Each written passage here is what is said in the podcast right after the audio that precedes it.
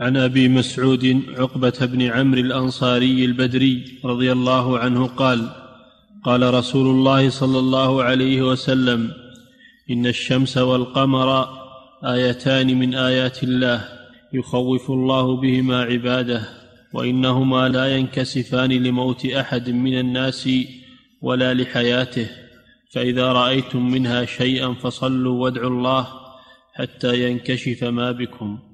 وهذا الحديث فيه بيان الحكمة من حصول الكسوف وأنه تخويف للعباد وفيه إبطال ما كان عليه أهل الجاهلية لأنهم يعتقدون أن الكسوف يدل على حدوث شيء إما موت عظيم وإما ولادة عظيم لأن من عادتهم التنجيم وأنهم يعلقون الحوادث الأرضية يعلقونها بالأحوال الفلكية. هذا هو التنجيم. فيعتقدون أن الكسوف سبب لحدث يحدث لموت لموت عظيم من العظماء أو ولادة عظيم من العظماء. بين صلى الله عليه وسلم أن هذه عقيدة باطلة وأن الكسوف إنما يحصل تخويفا للناس. آيتان من آيات الله لقوله تعالى ومن آياته الليل والنهار والشمس والقمر. لا تسجدوا للشمس ولا للقمر واسجدوا لله الذي خلقهن إن كنتم إياه تعبدون. ففي هذا إبطال الاعتقاد بالشمس والقمر والنجوم وأنها ليس لها من الأمر شيء. وأن الأمر بيد الله سبحانه وتعالى وبناء على ما كان من الاعتقاد في الجاهلية صادف أن الشمس كسفت يوم مات إبراهيم ابن النبي صلى الله عليه وسلم. إبراهيم بن النبي صلى الله عليه وسلم من مارية القبطية مات وهو طفل صغير فكسبت الشمس في هذا اليوم. فظن الناس أن أن كسوفها بسبب موت إبراهيم. وقالوا كسبت الشمس لموت إبراهيم. فأعلن صلى الله عليه وسلم بطلان هذا الاعتقاد وأنها لا تنكسف لموت أحد ولا لحياته وإنما هذا الكسوف آية من آيات الله يخوف الله بها عباده. وفيه بطلان عبادة الشمس والقمر لأن لأن الكسوف دليل على أنهما مخلوقان.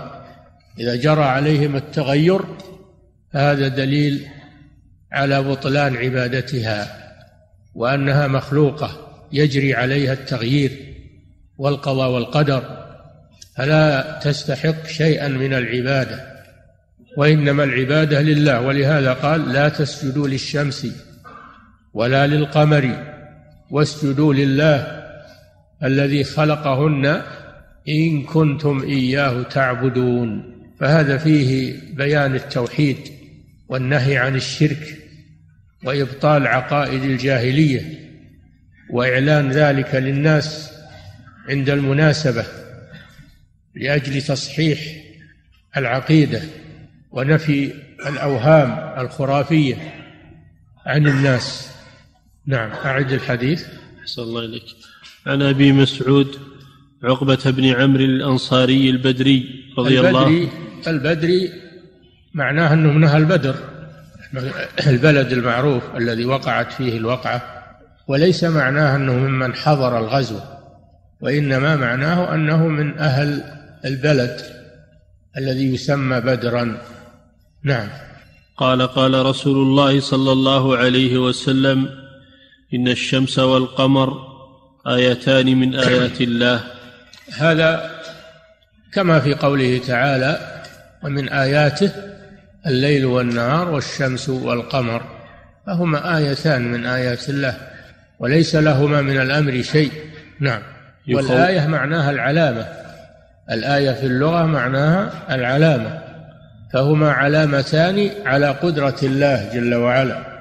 وعلى أنه هو المستحق للعبادة لأن الآيات على قسمين آيات كونية الشمس والقمر والليل والنهار والمخلوقات. هذه آيات لأنها تدل على عظمة الله جل وعلا كما قال الشاعر وفي كل شيء له آية تدل على أنه واحد والنوع الثاني الآيات الكون الآيات القرآنية الآيات القرآنية. فالآيات على نوعين كونية وقرآنية. نعم.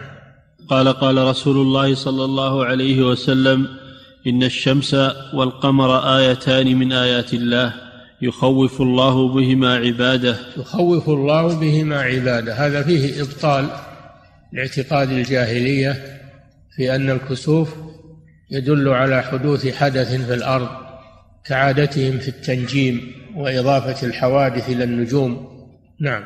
وإنهما لا ينكسفان لموت أحد من الناس ولا لحياته. نعم. فإذا رأيتم منها شيئا فصلوا وادعوا الله حتى ينكشف ما بكم. هذا فيه ما, ما يفعل عند الكسوف وهو الصلاة والدعاء. الصلاة والدعاء. وفيه أن أن الصلاة إنما تبدأ عند ظهور الكسوف لا قبله وإن كانوا يعرفون أنه سيحصل فلا يصلون حتى يحدث ويروه بأعينهم ثم يصلون. فلو فرضنا أن السماء فيه غيوم ولا ظهرت الشمس والحساب يقولون أنها ستكسف ولا والشمس محجوبة بالغيوم فلا نصلي لأننا لا نرى الكسوف. النبي صلى الله عليه وسلم علق الصلاة برؤية الكسوف. نعم. عن عائشة رضي الله عنها قالت وقوله صلوا وادعوا فيه مشروعية الصلاة والدعاء وأن بداية الصلاة عند بداية الكسوف ونهايتها عند نهاية الكسوف. فلو إنه صلى وانتهى الكسوف ما ما زال إنها لا تعاد الصلاة ولكن يشتغلون بالدعاء تضرع إلى الله عز وجل. لو فرغ من الصلاة والكسوف ما زال فإنها لا تعاد لأنه صلى ولكن يشتغلون بالدعاء والتضرع إلى الله عز وجل. وإن زال الكسوف وهو يصلي فإنه يخففها يخففها لأن وقتها قد انتهى. نعم.